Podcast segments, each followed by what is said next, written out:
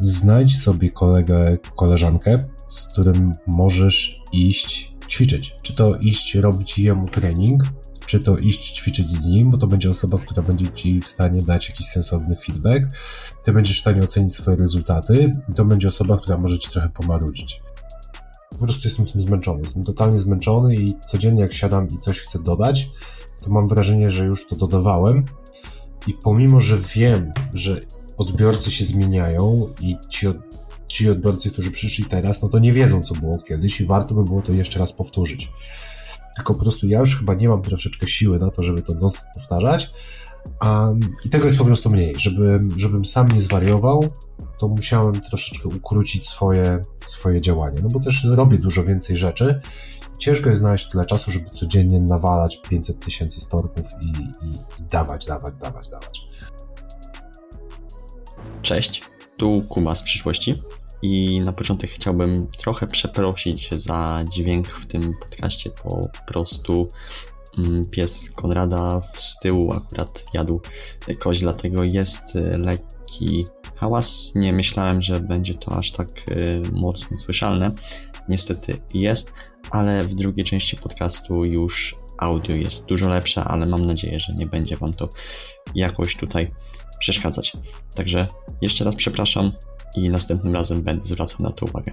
Enjoy! Kolejny odcinek podcastu i dzisiaj jest z nami Konrad Topolski. I na początek, Konradzie, jakbyś mógł powiedzieć, kim jesteś i czym się zajmujesz na co dzień? Cześć, dzień dobry. E, nazywam się Topolski Konrad, czy Konrad Topolski, już nie wiem jak to poprawnie się mówi. E, jestem trenerem personalnym i szkoleniowcem i zajmuję się tym oficjalnie 17 lat. A jeżeli chodzi o treningi personalne, a jeżeli chodzi o szkolenia, to ostatnio sprawdzałem, to jest między 6 a 8. Gdzieś coś takiego. Także tym się, tym się zajmuję. Pracuję na co dzień z e, ludźmi na sali treningowej, przygotowuję szkolenia, biorę udział w podcastach, a więc chyba jestem najczęściej zapraszanym trenerem personalnym do podcastów w tym kraju. Napisałem sobie książkę, która się ludziom spodobała, więc cały czas, cały czas się obracam wokół branży, szeroko pojętej branży fitness. Um, tyle. Okay. Nigdy, nie wiem, nigdy nie wiem, kiedy jest dość. Okej. Okay. Na początek jeszcze tak Cię zapytam, lubię zadawać to pytanie właśnie gościom na sam początek. Z czego jesteś ostatnio najbardziej zadowolony? Z siebie. No i świetnie, świetnie.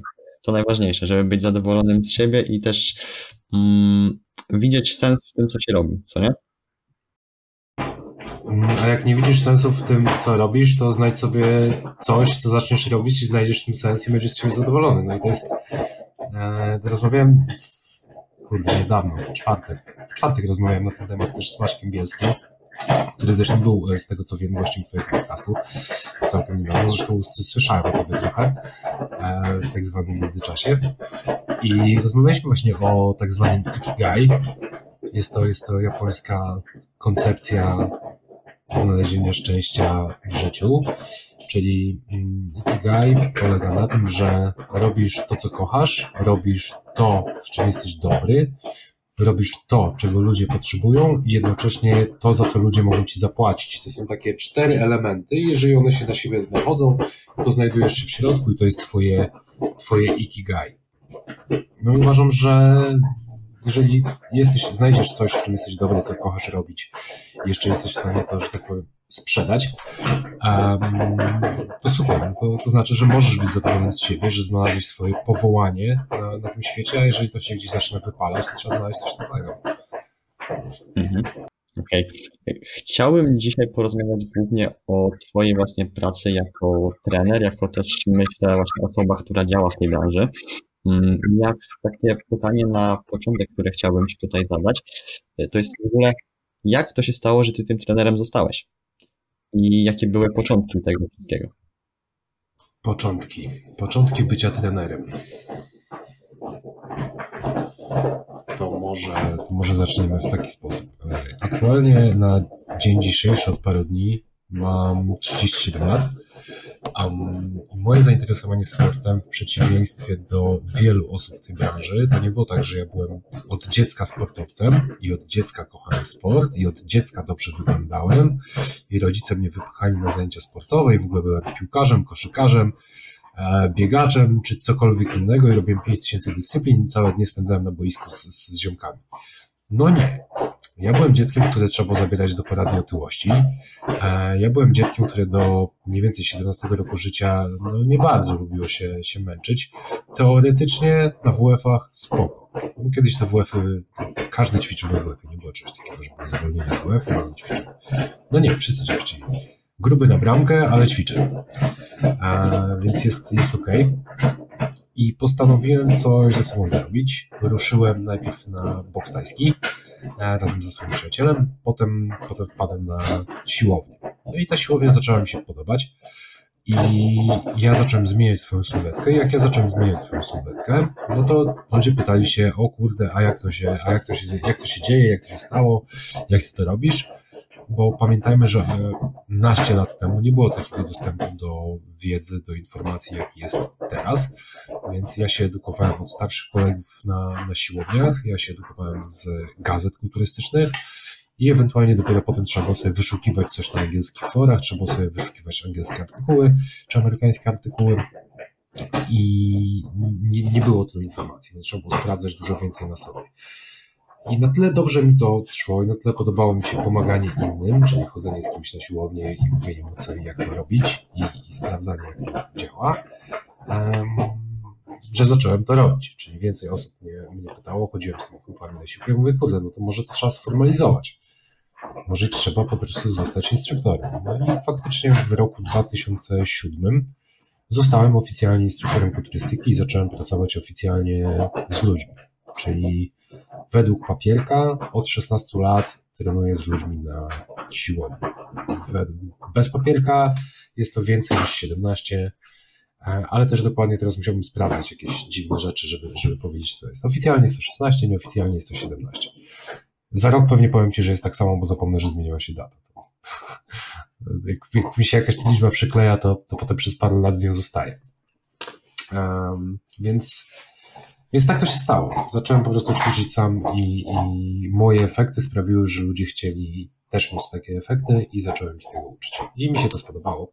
I tak sobie pracowałem, pracowałem, pracowałem, aż do jakichś stanowisk menedżerskich, różnych klubów, e, bycia instruktorem czy trenerem personalnym w pierwszych sieciówkach, jakie były w Polsce, bo te sieciówki, które znamy teraz, to wtedy nie istniały, a były sieciówki, o których myślę 80% ćwiczących teraz nie wie że takie były, jak na przykład gimnazjum. Myślę, że ty nie, ty nie wiesz, czy, czy były gimnazjony i w ogóle, że kiedyś coś takiego było w Polsce i mieli kilkanaście lub nawet kilkadziesiąt klubów. A, czy wtedy było tak na twoje właśnie gdzieś e, czasy duże było zainteresowanie w ogóle siłownią, czy dopiero właśnie teraz to się pojawia dopiero wszystko? Mm, znaczy to już się pojawiło, to już się pojawiło. Czy duże? Na pewno nie tak duże jak teraz. Na pewno nie było to też tak popularne jak jest teraz. Chociaż jak przychodziłeś w poniedziałek o 17 na siłownię, no to też te kluby były pełne, tylko tak jak ja ćwiczyłem na siłowni, na takiej siłowni, siłowni, to klub był, nie wiem, no wielkości mojego mieszkania, może trochę większy. A teraz, teraz miejsce, w którym pracuję ma 3000 metrów kwadratowych, dwa piętra, także tam były nie wiem, jedna czy dwie bieżnie, kilka rowerków, jakieś wiosła i to wszystko. I, i wchodziłeś na, na salę. Um, no, sala miała może 60-70 metrów kwadratowych. Także naprawdę nie nawalone, nawalone sprzętu, trochę handli, kilka sztank i to wszystko i, i w takim miejscu uczyłem się trenować. A teraz wchodzisz do kompleksu, wchodzisz po tym kompleksie 30 minut, mówisz, mmm, no tego mi jeszcze brakuje, no tego nie ma, no tamtego nie ma. I te wymagania są też większe, no bo też wiemy, jaka, że, że wiemy, że myśl treningowa jest trochę inna, wiemy trochę więcej o, o treningu atletycznym, że tak ujmę, e, i wiemy, jak ten trening atletyczny można zaaplikować dla generalnej populacji i że to przynosi świetne rezultaty, więc teraz chcąc stworzyć fitness kluby z tą wiedzą, które mamy, no wiemy, że te potrzeby są trochę inne niż kiedy ja zaczynałem, bo kiedy ja, ja zaczynałem, to wszyscy byli raczej skupieni na kulturystyce stricte, bądź na, na takim fitnessie w ujęciu zajęć grupowych. To był kulturystyka i fitness. I zasadniczo było nawet takie czasopismo y, kiedyś, KIF, kulturystyka i fitness, potem było jeszcze sporo dla wszystkich. Ale to wszystko kręciło się wokół treningu siłowego um, i treningu kulturystycznego raczej. Czyli raczej dobrze wyglądać i może być zdrowszym. To też z naciskiem na może, bo, bo aspekty takie jak teraz długowieczności nie były na pierwszym planie. Mhm. Więc te siłownie, siłownie wyglądały zupełnie, zupełnie inaczej. No to ja ci powiem taką anegdotkę. Dwa tygodnie temu jakoś tak e, wuja mnie poprosił właśnie, czy nie chciałbym się z nim przejść na siłownię tam w jego miejscowości. Ja mówię, że dobra, bez problemu, nie? Akurat miałem też e, po drodze e, z pracy akurat. Mówię, czemu nie? Pierwsze wejście właśnie było darmowe. No i tak mówię, że rozejrzę się po tej siłowni, tam się rozgrzej tutaj ten. Mm, na rowerku, a ja sobie zobaczę, co tam na tej siłowni jest. I takie, jakie tam maszyny zobaczyłem, ja nie wiedziałem czasem, do czego one służą. Zastanawiam się, co, do czego to w ogóle służy. Siadasz z tej strony, tu masz jakieś, z przodu masz coś, co możesz niby sobie, nie wiem, dać do przodu, dać do tyłu. Mówię, o co tu chodzi w ogóle, nie? Sprzętu tam praktycznie takiego wolne, wolnego ciężaru nie było. Były głównie właśnie takie maszyny. Mówię, co to za Ameryka w ogóle tutaj jest, nie? I w ogóle też te maszyny, tak mi się wydaje, że powinny mieć jakieś wytłumaczenia, jakieś z boku, jakieś e, nalepki. One w ogóle tego nie mają, nie? To jest fajne. Może, może, może te nalepki tam były w 78. To znaczy nie, ta siłownia powiem Ci, że jest y, nowa. Jest nowa, okej. Okay. Jest nowa i te maszyny też są w miarę nowe, ale mówię, niektóre ok, jakieś tam prostowania, prostowanie nóg i tak dalej, jakieś ćwiczenia na brzuch, spoko, ale niektóre to naprawdę się zastanawiałem, do czego to w ogóle służy. Pytanie, czy to jest złe? Nie, no, jest. Okej, okay, można skorzystać. Hmm. Nie wiem, czy nie wiem, czy trochę nie wolałem klimatu tych starszych czasów. Um, pomimo, że bardzo podoba mi się ilość sprzętu i, i możliwości, jakie mamy treningowe teraz, to troszeczkę taka czekaj, żeby to ładnie powiedzieć i żeby to, żeby to było w miarę po polsku. Na pewno instagramizacja i tiktokzacja treningu siłowego sprawia, że wielu osobom może się dużo gorzej trenować niż kiedyś.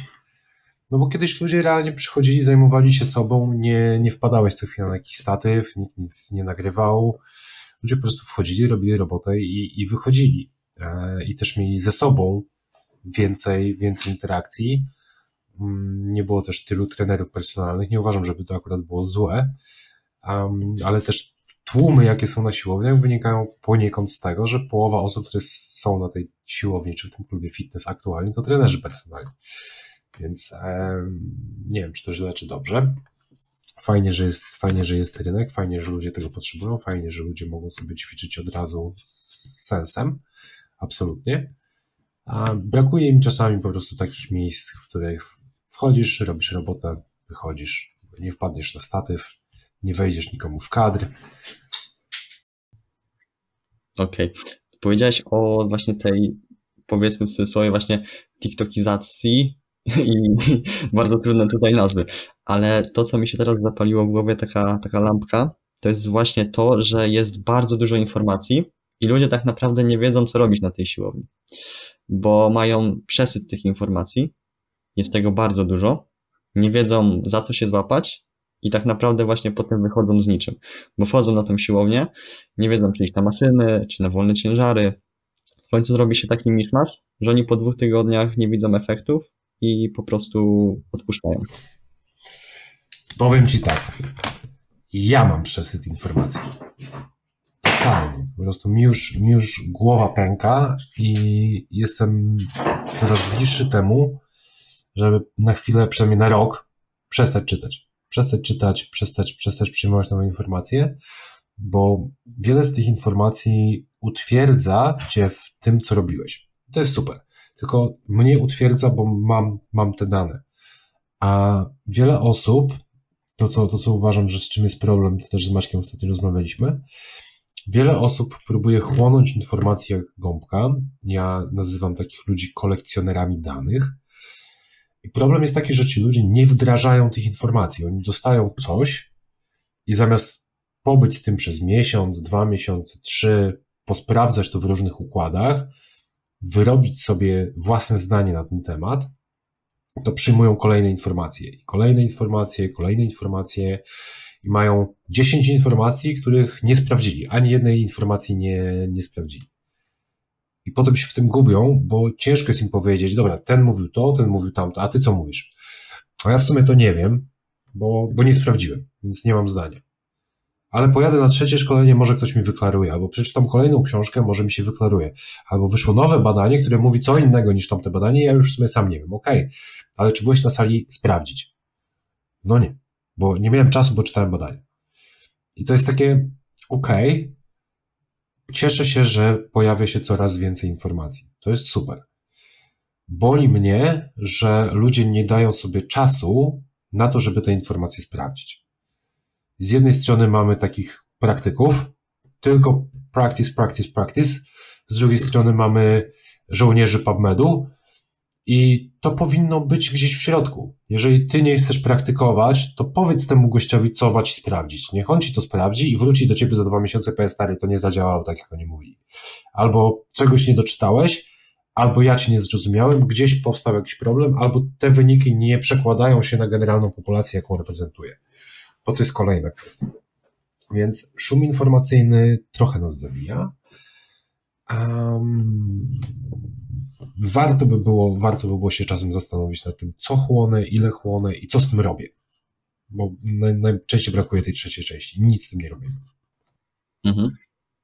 Dobra, bo wiesz, ja też właśnie jakiś czas temu miałem coś, coś takiego, że jednak publikuję te treści już od ponad trzech lat w internecie. To wiesz, może nie wydawać się dużo, ale w momencie, kiedy ja faktycznie gdzieś robiłem to codziennie, gdzieś dodawałem jakieś posty i tak dalej, to właśnie i też dużo konsumowałem tych treści, nie? To nagle może nie, że znalazłem jakieś wypalenie czy coś, ale po prostu miałem zniechęcenie do tego, nie? Że faktycznie było tego tak dużo, ja sam dużo publikowałem, sam dużo czytałem, w końcu właśnie pojawił się, tak jak mówiłeś, taki miszmasz totalny. Ja nie wiedziałem w co wejść, co robić, no i na tą chwilę gdzieś odpuściłem publikowanie, tylko bardziej skupiam się teraz na podcastach. Będę chciał do tego wrócić, ale trochę na innych zasadach będę chciał to na pewno zrobić. To, to totalnie rozumiem. Przez lata, przez lata publikowałem codziennie bardzo dużo treści na Instagramie, zresztą z tego, z tego, z tego jestem znany ile można mówić. Jestem rozpoznawalny w branży dzięki temu, że codziennie publikowałem jakieś sensowne, praktyczne informacje dotyczące ruchu czy treningu siłowego. I, I to niestety mnie zjadło po latach, bo jak teraz ktoś wejdzie na mój Instagram, czy zachęcam oczywiście, um, to jest tam trochę postów. Jest więcej postów takich merytorycznych, które się pojawiają, które są przemyślane, ale jest dużo mniej stories bo po prostu jestem tym zmęczony. Jestem totalnie zmęczony i codziennie jak siadam i coś chcę dodać, to mam wrażenie, że już to dodawałem i pomimo, że wiem, że odbiorcy się zmieniają i ci, ci odbiorcy, którzy przyszli teraz, no to nie wiedzą, co było kiedyś i warto by było to jeszcze raz powtórzyć. Tylko po prostu ja już chyba nie mam troszeczkę siły na to, żeby to non powtarzać. Um, I tego jest po prostu mniej, żeby, żebym sam nie zwariował, to musiałem troszeczkę ukrócić swoje, swoje działanie, no bo też robię dużo więcej rzeczy. Ciężko jest znaleźć tyle czasu, żeby codziennie nawalać 500 tysięcy storków i, i, i dawać, dawać, dawać, dawać. Mhm. Wiesz, mnie już nawet męczy samo to przeglądanie tego telefonu. Nie wiem, czy masz podobnie. Ja doszedłem już właśnie do tego momentu, że jak już patrzę na ten telefon i tak nagle lampka się zapala, kurwa, ale po co ty znowu patrzysz w ten telefon, nie? zrób coś, nie wiem, idź się przejść na spacer, nie wiem, weź poczytaj książkę, ale nie, ty bierzesz ten telefon, ja już złapałem się na tym chyba jakiś rok temu, jak właśnie byłem, jeszcze chodziłem do szkoły i pierwsze, pierwsze co, jak się nudziło, sięgałeś po ten telefon. To jest pier, pierwsze co, nie? To jest, to jest naprawdę przykre, ale ja wiem, że multum ludzi tak ma, ale w ogóle na to nie reaguje. przyznaję się, przyznaję się, miałem taki okres w swoim życiu, że to będzie zabawne. Tak jakbym nagle się budził do życia i, i przewijam. Jezu, w którym momencie to się stało? Że siedziałem właśnie taki rozkojarzony, coś pracowałem, dobra, na chwilę się odmurzę i klikasz, albo nawet chcesz zrobić cokolwiek na telefonie, a twoja ręka z automatu naciska tą ikonkę Instagrama i zaczyna przeglądać. Zaczynasz się łapać na takie rzeczy, że Boże, nie, nie, nie. To, to, to trzeba się uspokoić i, i zostawiać. Także tak, doszedłem, doszedłem w swoim życiu niestety też do takich momentów, że auto, pełna automatyzacja oko, kciuk, telefon, dobra, Instagram przyglądam. Jezu, przecież ja nawet nie po to wziąłem ten telefon. Ja nie po to go wziąłem. Coś innego miałem sprawdzić, a niestety tutaj już miałem takie nawyki ruchowe, że z automatu odpalałem Instagram i przeglądałem. To jest też poniekąd powód, dla którego jestem zadowolony z siebie, bo mniej przeglądam, nie zdarzają mi się już takie rzeczy. Um, też stawiam sobie granice, gdzie i ile czasu mogę spędzać i jest to w zgodzie totalnie ze mną. Mm, jak naprawdę czuję, że ok, dzisiaj to jest ten dzień, dzisiaj mam ochotę to zrobić i zrobię to z uśmiechem i z radością, posiedzę, zmontuję kilka filmów, napiszę kilka rzeczy i wrzucę. I przestałem się przejmować tym, że kurde, to nie jest publikowane codziennie, jak nie publikujesz codziennie, to dobra. Okej, okay, okej, okay, nie ma problemu. A jeszcze zabawniejsze jest to, że odpaliłem TikToka ale nie, nie, mam, nie mam go na swoim telefonie, tak żeby przypadkiem nie, znowu nie, nie, nie wpaść. E, mam go na telefonie firmowym, do którego nie mam takiego dostępu, więc odpalam tylko TikToka, jak muszę odpisać na komentarze. No. Okej. Okay. Dobra, wróćmy do początkowego wątku, o którym chcieliśmy porozmawiać, czyli o wątku bardziej trenerskim. Wspomniałeś o swojej pierwszej pracy, ale chciałbym właśnie tak Cię dopytać, jak, jak ona wyglądała? kiedy właśnie zacząłeś e, pracować jako trener? Jak ona tak w skrócie wyglądała? Fatalnie. Wiesz to, mm, to tak jak każdego początki, to ludzie się nie przyznają, ja się przyznaję, to było fatalne.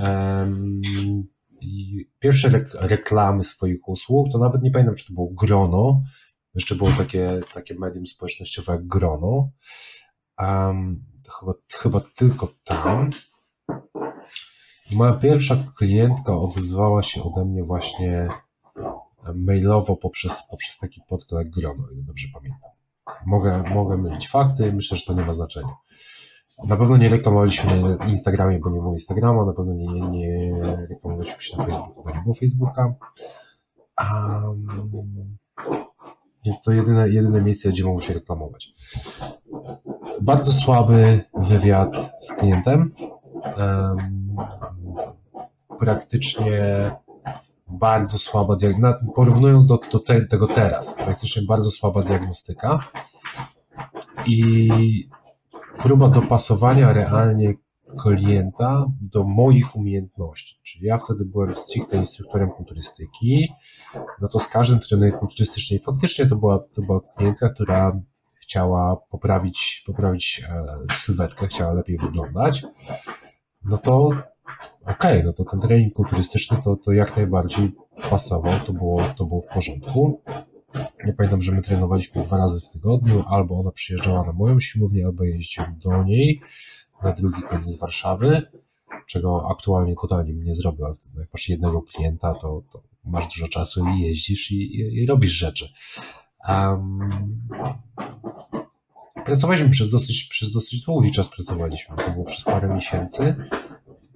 I ona była zadowolona z efektów. I oczywiście ja teraz zrobiłbym to inaczej, ale na tamte czasy to uważałem, że to jest wszystko ok. No i to było ok. Nie zrobiłem jej krzywdy, co jest najważniejsze.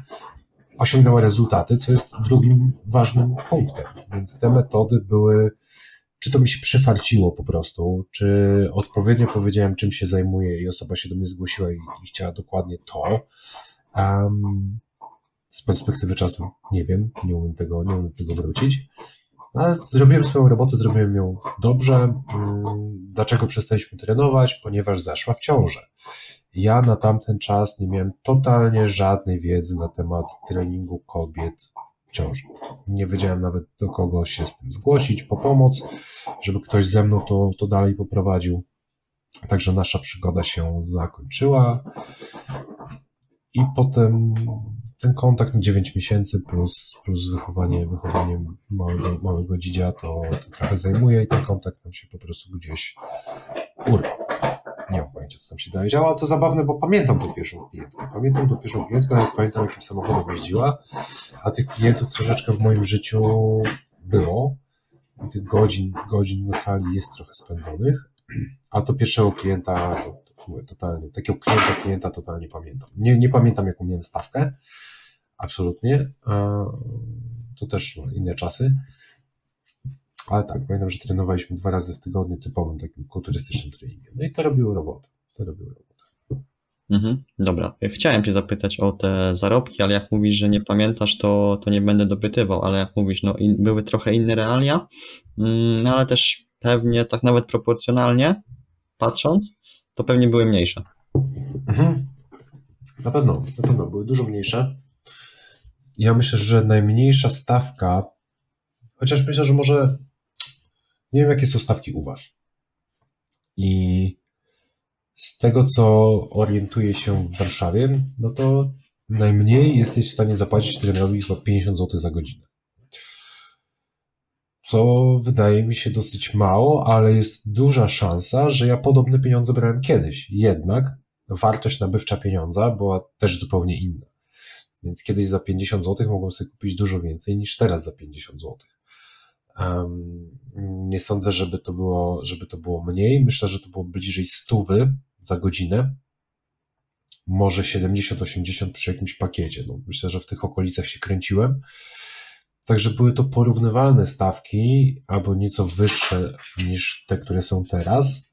Jednak kolejna rzecz, o której warto by było pamiętać, że ilość trenerów i instruktorów wtedy, a ilość instruktorów i trenerów teraz to nie była ziemia i możliwość dotarcia do, do takiego trenera też jest zupełnie inna. Bo kiedyś trenera się znajdowało właśnie na, jak trochę młodszym, to, to w internecie, na, na takich stronach e, społecznościowych, albo takiego trenera znajdowałeś już w klubie na siłowni, więc musiałeś już na tą siłownię iść, tam albo był instruktor, albo był trener. Kiedyś to w ogóle byli tylko instruktorzy. Mógłbyś instruktorowi zapłacić, żeby był twoim trenerem.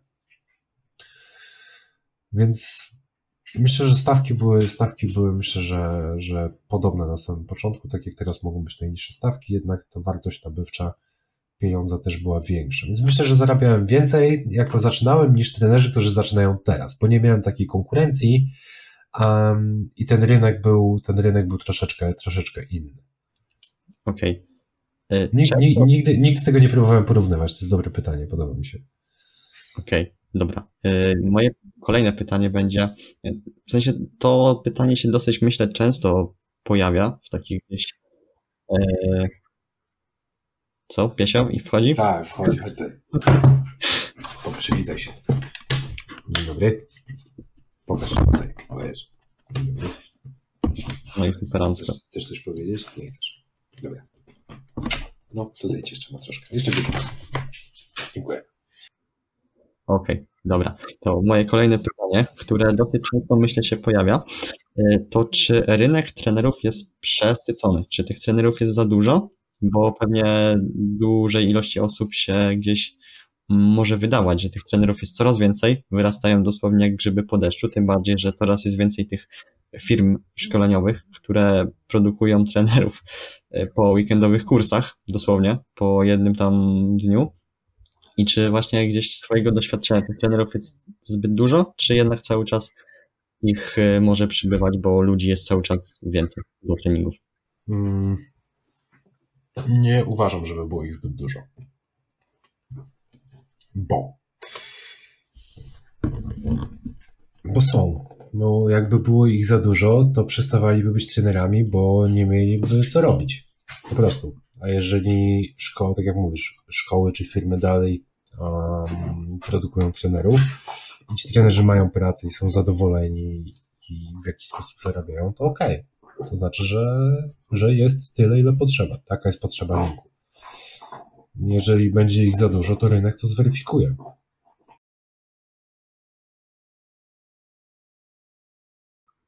Myślisz, że rynek trochę zweryfikował trenerów, jak właśnie zaczęła się pandemia? Bo myślę, że wtedy, w sensie tak patrzyłem właśnie, jak co mówią inni, że właśnie rynek trochę zweryfikował ich. Tych trenerów, którzy nie byli, powiedzmy, zbytnio kompetentni, którzy też e, no, mieli klientów, bo nie wiem, przyfarciło im się trochę, że akurat zdobyli taką bazę klientów, a w momencie, kiedy zostało wszystko zamknięte, no to nie potrafili sobie z tym poradzić, nie? Hmm.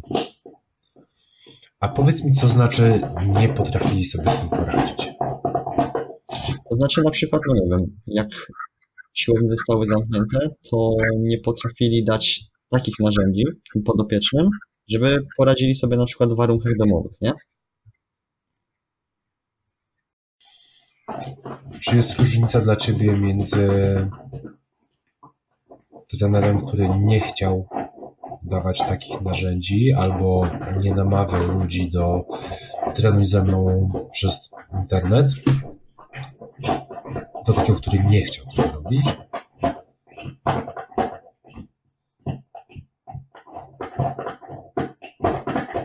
Czy trener, który wybrał świadomie, że on nie chce tego robić, charakteryzuje się brakiem elastyczności, czy świadomym urlopem od wykonywanego zawodu? No chyba raczej świadomym, nie? Tutaj myślę, że też y, może nie chciał wchodzić w kompetencje, które też nie wie, co nie? Bo ja jestem trenerem, który nie pracował w pandemii. I to był mój świadomy wybór.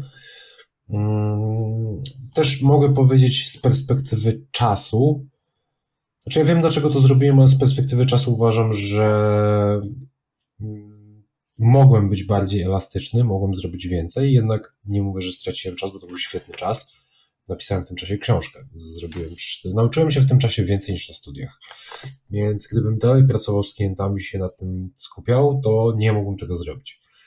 Um, myślę, że tak. Osoby, które nie potrafiły się odnaleźć, nie były elastyczne, zostały zweryfikowane.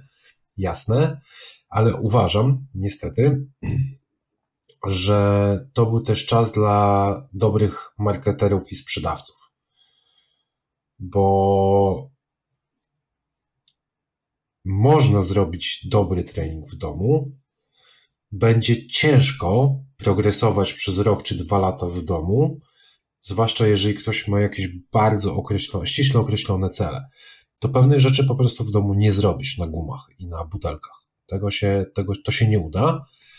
Można się ruszać dla ruchu, można schudnąć, można zbudować trochę masy mięśniowej i tutaj faktycznie dobrzy trenerzy mogli zrobić dobre rezultaty z klientami, ale mam wrażenie, że wielu sprzedawców miało wtedy naprawdę dobry czas, bo obiecywali coś, co może wydawało im się, że są w stanie zrobić w takich warunkach. Nie wiem. I głupi przykład, prosty przykład. Zobacz, ile wyszło. Nie piję, absolutnie nie mam nikogo konkretnego w głowie na myśli. To jest, to jest tylko, żeby nikt nie poczuł się, że to do niego. A absolutnie to nie jest też atak. Zobacz, ile wyszło e-booków z kształtowaniem pośladków na gumach w domu. Ile było tych materiałów. I, zobacz, kto to wypuszczał. To wypuszczały dziewczyny, które zbudowały pośladki ciężkim treningiem siłowym, które miały świetną genetykę, e, dobrze zrobione zdjęcia i no sorry, ale okłamywały ludzi, że coś takiego można od naleśnika zbudować w domu na gumach. I faktycznie te pośladki można poprawić, ale Niestety to wymaga progresywnego przeciążenia i bardzo złożonych ruchów. Jeżeli nie masz zestawu ciężkich ketli, to żeby zrobić to, co osoba obiecuje, będzie bardzo ciężko.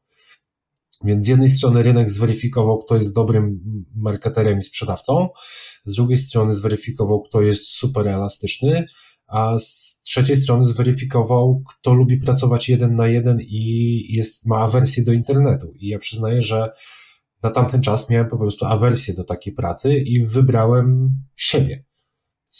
Swoją spokojną głowę, że jestem spójny z tym, co mówię, że nie chcę, nie chcę wchodzić w pewne rzeczy, których po prostu nie lubię i nie uważam, żeby były super, co się zmieniło na ten czas. dzisiaj. Um, po prostu zająłem się sobą, edukacją, pisaniem, szerzeniem pewnych treści, które mogłem wtedy szerzyć. Więc czy to pandemia zweryfikowała i czy rynek zweryfikuje w taki sposób? Obawiam się, że nie. Obawiam się, że nie. Patrząc na to, co, co, co pandemia zrobiła. Mhm. Okej. Okay. A jeszcze właśnie tak dopytam Cię, bo właśnie mm, kiedyś zadawałem to pytanie w podcastach właśnie, kiedy jeszcze była ta pandemia cała. E, czy Ty właśnie ten czas już wspomniałeś, że wykorzystałeś go efektywnie? I myślę, że właśnie osoby, które są ambitne, które faktycznie chciały coś zrobić, to ten czas też dla mnie był naprawdę owocny. Ale dla ludzi, którzy naprawdę nie chcieli nic, w sensie może mieli powiedzmy gdzieś, nie wiem, jakieś cele, ale były leniwe, e, nie chciało im się, no to ten czas po prostu zmarnowały. Są tacy, którzy zrobili formę życia w pandemii i są tacy, którzy zapuścili się najgorzej jak, jak mogli w pandemii. No, Okej. Okay. Jedni z tego wyszli, inni z tego nie wyszli. No, no takie jest życie. Jedni chcą, inni nie chcą. Każdy dokona jakichś tam swoich wyborów. Tyle. Tyle. Okej. Okay. E, chciałbym Cię jeszcze zapytać o takie kompetencje miękkie trenera. Czy uważasz, że to jest y, ważne, czy jednak jeżeli ktoś nie ma tego, nie ma powiedzmy tego obycia z drugą osobą, nie ma takiej osobowości, gdzie chce rozmawiać z drugą osobą, to czy to może być faktycznie dobry trener, który powiedzmy ma zarąbistą wiedzę, naprawdę gdzieś, jeśli pod kątem praktycznym jest naprawdę top, ale jeżeli nie ma tych kompetencji miękkich, to czy on faktycznie może nazwać się trenerem dla ludzi? Użyłeś dwóch zwrotów. Dobry trener i trener dla ludzi. Czy może być dobrym trenerem? Tak. Czy może być trenerem dla ludzi? Dla niektórych ludzi. Może nie dla wszystkich ludzi. Bo to jest nawet jeżeli masz super umiejętności miękkie, nawet jeżeli jesteś super rozmówcą i super słuchaczem, nawet jeżeli potrafisz być mega empatyczny i rozumieć, rozumieć ból drugiego człowieka i, i widzieć jego potrzebę, odpowiadać na jego potrzebę, jednocześnie wyznaczać pewne granice, tak żeby budować zdrowe relacje, to to dalej może nie zaklikać z drugą osobą. Bo niektórzy, oso- niektórzy nie potrzebują psychologa, powiedzmy, na, na treningu, tylko potrzebują sierżanta na tę chwilę, na, tą, na ten moment w swoim życiu. Więc czy trener, który ma świetną wiedzę terytoryczną, a jest chujkiem, może robić dobrą robotę? Tak, bo byłem takim trenerem przez bardzo długo i się zastanawiam, jak to jest. Mam taką, mam taką klientkę, z którą trenuję już prawie 10 lat. Ja się zastanawiam, jak, i teraz z perspektywy czasu, kiedy ja na poziomie człowieka trochę się zmieniłem, ja się stałem, pytałem się czasem, Aga, jak ty ze mną wytrzymywałaś te lata? Jak to? W ogóle ja, bym ze sobą chyba nie wytrzymał, a ty, ty byłaś i, i dalej jesteś. I ta nasza relacja dalej rośnie. Mm, no to kwestia jest właśnie rezultatów. Rezultatów. Sposób, w jaki prowadziłem treningi, sposób, w jaki prowadzę treningi, to są po prostu, to jest niebo a ziemia, a rezultaty pozostały. Czy mam teraz więcej, na pewno mam teraz więcej klientów. Na pewno mam to wszystko bardziej poukładane, chociaż nigdy nie narzekałem na, na, na, na klientów, ale mi się teraz przyjemnie pracuje, ludziom się wydaje lepiej ze mną pracuje, przychodzą do mnie zupełnie inni ludzie niż przychodzili do mnie kiedyś. I tak jak mówię, teraz e, więcej buduję relacji niż dowożę rezultatów, co nie znaczy, że nie dowożę rezultatów, bo można je dowodzić w naprawdę miłej atmosferze i można je dowozić, dopasowując czy, autor, czy regulując trening do, do klienta i czując jego, jego nastawienie na dzisiaj. I uważam, że to jest przyszłość treningu personalnego na najwyższym poziomie.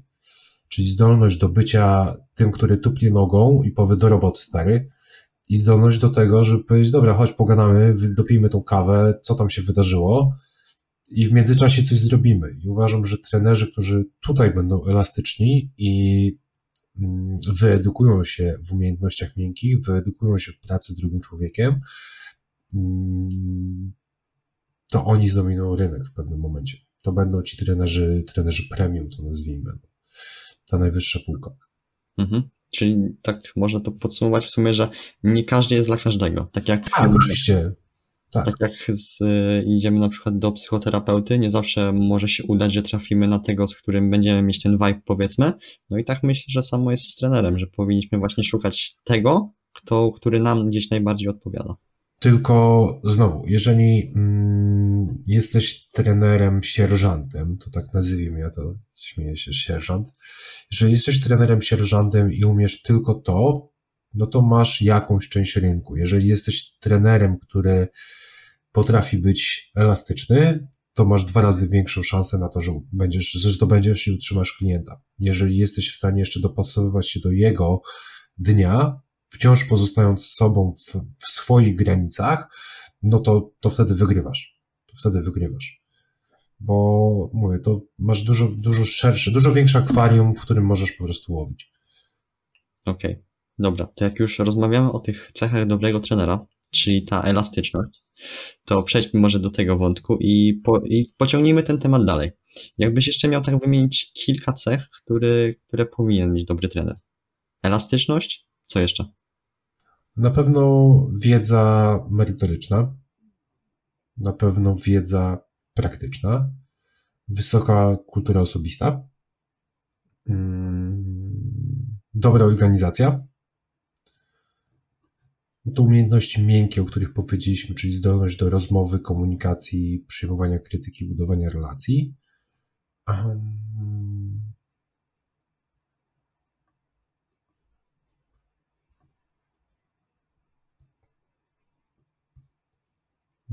Chyba tyle, bo jak sobie myślę o tych odgałęzieniach, które są wymagane jeszcze do tego wszystkiego, to, to tak, no to wiedza merytoryczna, um, umiejętności miękkie, już trochę praktyki, wysoka kultura osobista, dobra organizacja pracy. I poukładane w głowie. To tak. Okay. A jak odniesiesz się do tego, bo to też myślę jest e, fajny, ciekawy wątek, który warto jest tutaj poruszyć. Mm, jeżeli trener czegoś nie wie i komunikuje, komunikuje to, że mówi nie wiem, to według Ciebie to jest plus czy minus? Oczywiście, oczywiście, że tak. E, jeżeli to jest nie wiem, z kropką nienawiści na końcu, no to nie do końca. Jeżeli to jest nie wiem, ale sprawdzę i wrócę do ciebie z odpowiedzią. To jest super. A ja jestem aktualnie na tym poziomie i troszeczkę jeszcze dalej, bo mówię, nie wiem, ale XYZ z mojego zespołu się tym właśnie zajmuje.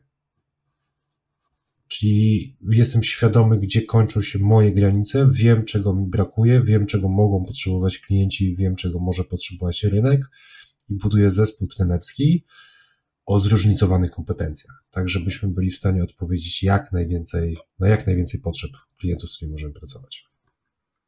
No i fajnie. Mm, jeszcze w sumie ciągnąc y, temat powiedzmy właśnie bycia trenerem, jako że ja dopiero gdzieś zaczynam tą, tą swoją ścieżkę trenerską, jestem na początku tego wszystkiego, ale też y, myślę, to może być podcast właśnie dla osób, które nie wiem, myślą o tym, albo też są na podobnej drodze w sensie w podobnym punkcie e, tej drogi co ja. I chciałbym, żebyś teraz tak też w kilku punktach dosłownie może powiedział o tym, jakie ty byś dał rady młodym właśnie trenerom. Albo osób, które myślą o tym, żeby właśnie zacząć być tym trenerem. Osób, które myślą, żeby zacząć być trenerem. Um, hmm to nie jest takie łatwe i przyjemne, jak się wydaje, albo jak mówią na Instagramach, że to taka lekka praca w elastycznych godzinach, dużo pieniędzy i w ogóle super fajnie. Nie zawsze, zwłaszcza nie na początku, bo to na początku e, totalnie nie będziesz miał kupy kasy i będziesz pracował albo o 6 rano i 14 i 22, żeby zbudować bazę klientów, więc te godziny nie, nie będą elastyczne, będziesz pracował non-stop. Um, najtrudniejsze w pracy z ludźmi, czy najtrudniejsi w pracy z ludźmi są ludzie, bo tak jak ja mogę sobie na dzień dzisiejszy że tak powiem, wybierać, z kim pracuję, ewentualnie kogoś mogę odesłać, a jeżeli ktoś jest takim wampirem energetycznym, to mogę powiedzieć, przykro mi, ale nie, nie mam miejsca, nie mam miejsca na taką energię w, swoim życiu, no to na początku będzie ciężko. Na początku będziesz musiał się zacisnąć zęby i, i pracować z większą ilością osób, żeby dopiero potem wiedzieć, z kim nie chcesz pracować i dlaczego. Żebyś mógł, mógł tą dziurę sobie gdzieś tam za, zapełnić. Um, dobry kurs trenerski, fajnie, ale od razu powiem, że kurs trenerski to jest naprawdę pierwszy krok i to taki też nieduży, bo cała magia dzieje się po kursie trenerskim, kiedy nabywasz podstawy i widzisz, jak dużo, jak dużo nie wiesz. A więc na pewno dalsza edukacja będzie długa i kosztowna. Jednak nie rzucam się od razu na wszystkie szkolenia, tylko to, co już dzisiaj rozmawialiśmy, przepracowuję sobie pewne podstawy, zbieram już pierwsze godziny doświadczenia, żebym potem, jak pojadę na pierwszy kurs, mógł zadać pytanie. I pytam, i pytam wszystkich, aż, aż kurde będą zmęczeni mną, to wtedy zaczynam pytać kogoś innego. Tylko jak już pytam, to przyjmuję i idę sprawdzić. Na kim sprawdzić? Na pewno masz kolegów, koleżanki, drogi trenerze, droga trenerko. Zaproponuj im swoją pracę za darmo. Cześć, potrzebuję sprawdzić jakiś tam plan treningowy. Cześć, chciałbym Ci pomóc. Cześć, chciałbym zdobyć trochę doświadczenia, chętnie Ci pomogę, ułożę Ci plan treningowy, pójdę z Tobą na siłownię, nie, możemy iść poćwiczyć razem i zacznij nabywać doświadczenia z osobami, które znasz i które będą Ci w stanie dać feedback, szczery feedback. Znajdź sobie kolegę, koleżankę, z którym możesz iść ćwiczyć. Czy to iść robić jemu trening, czy to iść ćwiczyć z nim, bo to będzie osoba, która będzie ci w stanie dać jakiś sensowny feedback. Ty będziesz w stanie ocenić swoje rezultaty, to będzie osoba, która może ci trochę pomarudzić. Tego nie chcę, to mi się nie podoba, to tego nie lubię. I no, trzeba będzie coś z tym zrobić, bo będą przychodzić do ciebie klienci, którzy będą płacić za to, żeby im się to podobało, żeby oni chcieli to robić, więc ty już będziesz w stanie nabierać doświadczenia, co z takim fantem zrobić. Więc absolutnie polecam, polecam totalnie taką pracę za darmo, którą ja też robiłem. Przez długie lata robiłem, trenowałem ze swoimi kumplami, ze swoimi koleżankami i nabierałem w ten sposób doświadczenia i uważam, że jest to, jest to totalnie nieocenione. I to jest coś, czego ludzie w dzisiejszych czasach trochę nie chcą robić, bo od razu chcą mieć dużo pieniędzy, bo mówią, że ci trenerzy to zarabiają tyle pieniędzy, więc, więc ja chcę od razu za wszystko pieniądze. No, sorry, sorry, ale nie. Więc a, absolutnie takie staże jeszcze z kimś, kogo znasz, są, są myślę, że nieocenione. Um, więc edukacja, kursy, darmowa praca z osobami, które znasz. Odradzam pracę z rodziną, to odradzam. To może zrobić, zrobić więcej złego niż dobrego. Także z partnerem, partnerką też, też odradzam ewentualnie. Raczej z kimś, z kimś zaprzyjaźnionym, mm, jak najbardziej. Jeżeli masz szansę zatrudnić się w jakiejś sieciówce, absolutnie to jest dobry pomysł. Bycie instruktorem, chodzenie po sali, rozmawianie z ludźmi, obycie ze sprzętem, obycie z ludźmi, obycie z miejscem, to też jest bardzo, bardzo ważne. No i możliwość podpytywania kolegów, którzy już tam pracują, kolegów, którzy są trenerami. To myślę, że też jest nie, nieocenione. I trenowanie samemu na różne sposoby. Jeżeli jesteś początkującym trenerem, i masz jakiś swój cel i masz jakieś zawody, no dobra, no to, to trenuj w taki sposób. Tylko pamiętaj, że osoby, z którymi będziesz trenował, nie mają tego celu, więc nie próbuj projektować swojego celu na, na nich. Chyba, że zbierzesz taką specyficzną grupę i tylko z takimi osobami będziesz trenował, to jak najbardziej. Mm, ale jeżeli możesz, to sprawdzaj te różne metody, które, które poznajesz na szkoleniach. Sprawdzaj różne rodzaje treningu. Patrz, patrz, jak wygląda rynek teraz, co ludzie robią i czego ty nie wiesz, dlaczego oni tak robią i kombinuj. No, twoja forma przez 3, 4, 5, 6 miesięcy takiego trenowania się nie załamie, a ilość znowu informacji, jakie jesteś w stanie uzyskać dla swoich klientów, um, jest nieoceniona, bo może jeszcze jedną rzecz dodam teraz do tych cech trenera. Teraz mi się to jakoś tak odpaliło. No bo pamiętaj, trenerze, że ty jesteś głównie dla osoby, z którą trenujesz. Twoje Twoja osoba, Twój czas, Twoje narzędzia są dla tej osoby, a nie dla ciebie. Czyli nie, nie ty sobie nabijasz statystykę, nie ty zarabiasz pieniądze, tylko ty realnie teraz pomagasz człowiekowi albo świadczysz usługę dla drugiego człowieka. I to ten drugi człowiek jest na pierwszym miejscu, nie, nie ty. Nie twoja wiedza, nie to, chcesz, co pokazać, nie, nie to, co chcesz pokazać, nie, nie ty. Nie ty. Nie jesteś tam najważniejszy. Najważniejszy jest człowiek, z którym pracujesz. I dlatego też praca z takim kolegą, koleżanką może bardzo szybko zweryfikować. Czy ty chcesz mu pokazać, jaki fajny jesteś, czy ty chcesz mu pokazać, jakie ty znasz super zajebiste metody, ile ich znasz, czy ty faktycznie chcesz mu pomóc. Okej, okay. dobra. Powiedziałeś właśnie o tym, że młodzi trenerzy, czy w ogóle osoby, które wchodzą w to, chcą właśnie zbyt dużo na początek. I właśnie to jest to, co ja najbardziej chyba zauważam w tym, że właśnie takie osoby po kursach od razu właśnie nie chcą przejść powiedzmy takiego etapu, w którym pomogą znajomym, pomogą zrobić coś za darmo, bo nie, bo oni chcą od razu zarabiać pieniądze, bo z tego są pieniądze.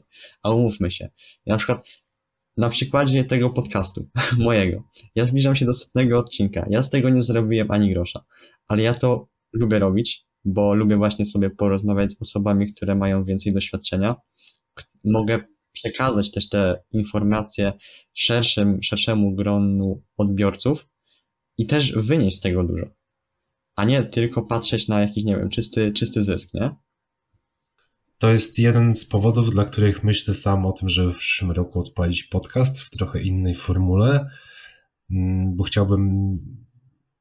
Ty już docierasz do specjalistów. I myślę, że myślę, że z moją znajomością branży zebranie trzech, czterech, pięciu specjalistów z danej dziedziny przy jednym stole na dwie, trzy godziny i, i rzucenie pytania, na które każdy będzie mógł odpowiedzieć, albo ustosunkować się do tego, co mówił kolega, chociaż wolę tą pierwszą formułę, gdzie wyciągniemy wspólnie jakieś wnioski, to będzie coś super. I to, to planuję, to pierwsze o tym słyszysz. Realnie jeszcze nikomu oprócz mojej gości o tym nie mówiłem. Eee, czyli właśnie usłyszeć, jest temat X, Y, Z. Dobra. Co myślisz o Bang? Pierwszy, drugi, trzeci, czwarty. Ok. Co wiemy z tych, z tych czterech wypowiedzi? To, to, to, to i to. Dlaczego się nie zgadzacie tutaj? I idziemy dalej, idziemy dalej, idziemy dalej i uważam, że w dzisiejszych czasach, gdzie mamy ten cały szum informacyjny, takie wyklarowanie, znalezienie wspólnego, wspólnego mianownika, znalezienie kontaktu, to jest coś, czego brakuje. Bo patrząc na media społecznościowe, to bardzo często pojawia się, dobra, ten robi źle, ten robi pip, ten z tym się nie zgadzam, ale, ale gada głupoty, ale nie ma w drugą stronę. Nie ma dialogu między tymi osobami. Jest naprawdę bardzo niewiele osób, które potrafią rozmawiać. Miałem taką przyjemną rozmowę z, z Tomkiem Gęborysem e, niedawno, gdzie zapytał mnie o moje zdanie. Ja mu powiedziałem swoje zdanie, on powiedział swoje zdanie, wymieniliśmy się argumentami i doszliśmy do, do jakiegoś wspólnego wniosku, że faktycznie to jest ok, to jest nie ok, z tym się zgadzam, no ja też się z tym zgadzam. I można w taki sposób rozmawiać, tylko to jest niepopularne, to się nie klika, to się nie sprzedaje. I czemu sobie to robimy? Sami, sami sobie to robimy. Zamiast właśnie spotkać się, kurde, jesteśmy trochę na rynku, trochę się znamy, pogadajmy o tym, niech ludzie z tego wyniosą jakąś wartość. I taki projekt wstępnie mamy z Maćkiem, Maćkiem Bielskim gdzieś z tyłu głowy, żeby cyklicznie się spotykać i szukać tych różnic i szukać tych wspólnych mianowników i mówić dlaczego tak, a dlaczego nie. I myślę, że to będzie, to będzie coś, co, co będzie świeżym powiewem na, na polskim rynku fitness, bo niestety idziemy w taką kiepską stronę. Strasznie mi się to nie podoba, ale może to też wycofało mnie z mediów społecznościowych. Inna sprawa, że dlaczego młodzież teraz e, wchodząca w tę branżę od razu chce tak dużo? Bo trochę się zmieniły możliwości i teraz już zaczynając, możesz, inny jest zupełnie próg, próg wejścia. Jak ja zaczynałem, no to nie było możliwości. Nie było tak, że tak dużo wiedziałem. No nie, wiedziałem dużo mniej, miałem dużo mniejszy dostęp do wiedzy, a trzeba było sobie niestety, trzeba było sobie najpierw zbudować te skillsy. Teraz ludzie mają zbudowane skillsy i uważają, że dzięki temu już im się należy i też dotarcie, mm, dotarcie do ludzi, kodziki rabatowe, współpracę, cateringi, szeroka reklama. Bardzo łatwo jest wykreować teraz gwiazdę, no i ludzie uważają, że, że to jest normą. Dobra, no okej, okay, to ja zacząłem, jestem pan trener, to teraz dawaj hajs. Może ja na to patrzę po prostu z innej perspektywy, bo moja droga wyglądała zupełnie inaczej. Może faktycznie teraz można tak. Nie wiem. Nie wiem, nie jestem tego przyzwyczajony, nie wiem. Ale wydaje mi się, że jeżeli, jeżeli więcej osób jednak przeszłoby tą ścieżkę, no bo też od kogo ja się mogłem uczyć? No tych osób, od których mogłem się uczyć, było dużo mniej. Sposób dotarcia do tych osób był bardzo ograniczony, więc nie było innej możliwości. Ja nie miałem po prostu wyboru. Może teraz jest wybór i i ludzie wolą po prostu tą łatwiejszą drogę. Zrobić kurs w weekend i krzyczeć wysokie pieniądze, zrobić dobry content na, na Instagramie, zebrać, kupić, kupić followersów i mówić, że okej, okay, tak.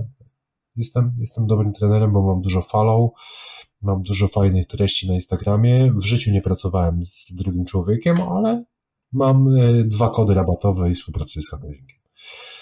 I może to, to, to się niestety zaczyna, to zaczyna być referencjami, referencjami trenera. No i jeżeli ludzie na to patrzą, no to też tak chcą. Też tak chcą zaczynać. Jak ktoś mi powie, to idź na staż darmowy. Nie, nie, staż darmowy. Co, zwariowałeś, chłopie? Może to to, nie wiem. Staram się za dużo nad tym nie zastanawiać, bo z drugiej strony aktualnie mam stażystę, mam, mam gościa, który przyszedł i chce się uczyć po prostu przychodzi i mamy ustalone trzy miesiące współpracy tego stażu i on nie dostaje za to pieniędzy. Ale też ja mu nic nie narzucam, nic mu nie każę robić. On przychodzi i na razie obserwuje. Mamy wyznaczoną godzinę w tygodniu, gdzie siadamy i rozmawiamy, gdzie zadaje mi pytania, wszystkie pytania, które chce. Ja nie biorę od niego za to kasy, że on mi płaci za to, że może mi zadać pytanie, tak jak byłby randomem. No nie, no ja go uczę. Zgodziłem się to robić i teraz po jego stronie jest to, jak mi pomóc w mojej codziennej pracy, żebym ja dalej chciał go uczyć. No bo myślimy o tym, że chcę go zatrudnić od przyszłego roku. Chcę, żeby dołączył do mojego zespołu trenerskiego. Ale to jest osoba, która właśnie ma możliwość odbywania tego stażu z, z dwóch powodów. Po pierwsze, bo w ogóle się odezwała i wyszła z taką inicjatywą. Jest, jest to chyba pierwsza osoba, która w ogóle do mnie napisała maila, cześć, posłuchałem Twoich podcastów, e, widziałem jakieś Twoje materiały w internecie, widziałem jakieś Twoje szkolenia online, chciałbym się od Ciebie uczyć, bo to jest, to jest coś, co, co mi pasuje. I, I nie mam stażu, skończyłem kurs trenerski, chcę być lepszy, chciałbym kiedyś dla Ciebie pracować w studiu, o którym mówiłeś. Wiem, że pewnie będziesz szukał osób bardziej doświadczonych, ale, no ale warto spróbować. No i mówię, kurde, no, to się dobrze składa, bo faktycznie miałem wstawiać takie ogłoszenie, że praca szuka człowieka. Znaczy, że szukam kogoś na staż, kogoś, kogo będę mógł potem e, zatrudnić do swojego zespołu. No więc zbiegło się to w czasie. Nie wiem, czy to on sobie to wymyślił i, i, i świat mu sprzyjał, czy to ja sobie wymyśliłem i to mi świat sprzyjał. No ale jesteśmy i pracujemy, więc na razie nikogo tego nie szukam. I właśnie zaskoczyło mnie, zaskoczyło mnie to. Chce, chce przychodzić i przychodzi. Przychodzi, siedzi, notuje, pyta, jest dociekliwy i to mnie ujęło, bo nie spotyka się tego. No, trochę jestem w tej branży, trochę tych podcastów nagrałem, trochę się wypowiadam i nie spotkałem się z nikim, który chciałby po prostu przyjść i się uczyć. Totalnie. I w ogóle wy, wyszedł z tym, że to jest, to jest mega, mega, uważam, że mega jaja. Mogłem mu odmówić oczywiście, no ale jeżeli nie spróbujesz, to nie wiesz. Więc i dużo osób uważa, że im się należy, że ktoś powinien do nich wyjść. Także to też na podstawie tego, że tak mało dostałem wiadomości, że chciałbym z tobą pracować, każdy chce po prostu zapytać i dostać informację. Siema, powiedz mi, siema, rozpisz mi, o, siema, jesteś zajebisty, daj mi to, daj mi tamto. Tak jest. Tak jest. To też trochę moja wina, ale myślę, że możemy zostawić na inną rozmowę to jeszcze więcej takich ludzi, żeby właśnie, właśnie było, żeby trafiało właśnie do, do tej branży, którzy są ambitni, którzy już gdzieś właśnie od tego początku, nawet właśnie nie chcą od razu dostawać za to pieniędzy, ale chcą się uczyć, nie? Bo no, mi też nie powiem, gdzieś sprzyja los, bo ja też dużo dostałem, ale ja wiem, że też nie dostałem tego wszystkiego tak e, za darmo. Ja też gdzieś powiedzmy właśnie wywodzę się ze wsi, z gospodarstwa i wiem, że gdzieś ta ciężka praca e, no musi być czasem wykonana, żeby faktycznie gdzieś, gdzieś dojść codziennie, po kroczku, ale trzeba właśnie tutaj robić. Konrad, chciałbym Ci serdecznie podziękować za tą ponad godzinkę tutaj rozmowy. Były małe komplikacje związane gdzieś z łączem, ale daliśmy radę, wytrzymaliśmy. Także ja chciałbym Ci bardzo podziękować. Ja myślę, że na pewno się jeszcze kiedyś usłyszymy. Mm, I słowo od Ciebie na koniec może dla słuchaczy. Co byś Ty powiedział, co Ci gdzieś leży na sercu? Ogólnie myślę dla, dla populacji. Practice, practice, practice, practice. Okej, okay, dobra. Dziękuję jeszcze raz. Wszystkie Dziękuję ślicznie do... i do zobaczenia ponownie. Wszystkie linki do Konrada znajdziecie oczywiście w opisie i słyszymy się już w następnym materiale. Cześć. Cześć.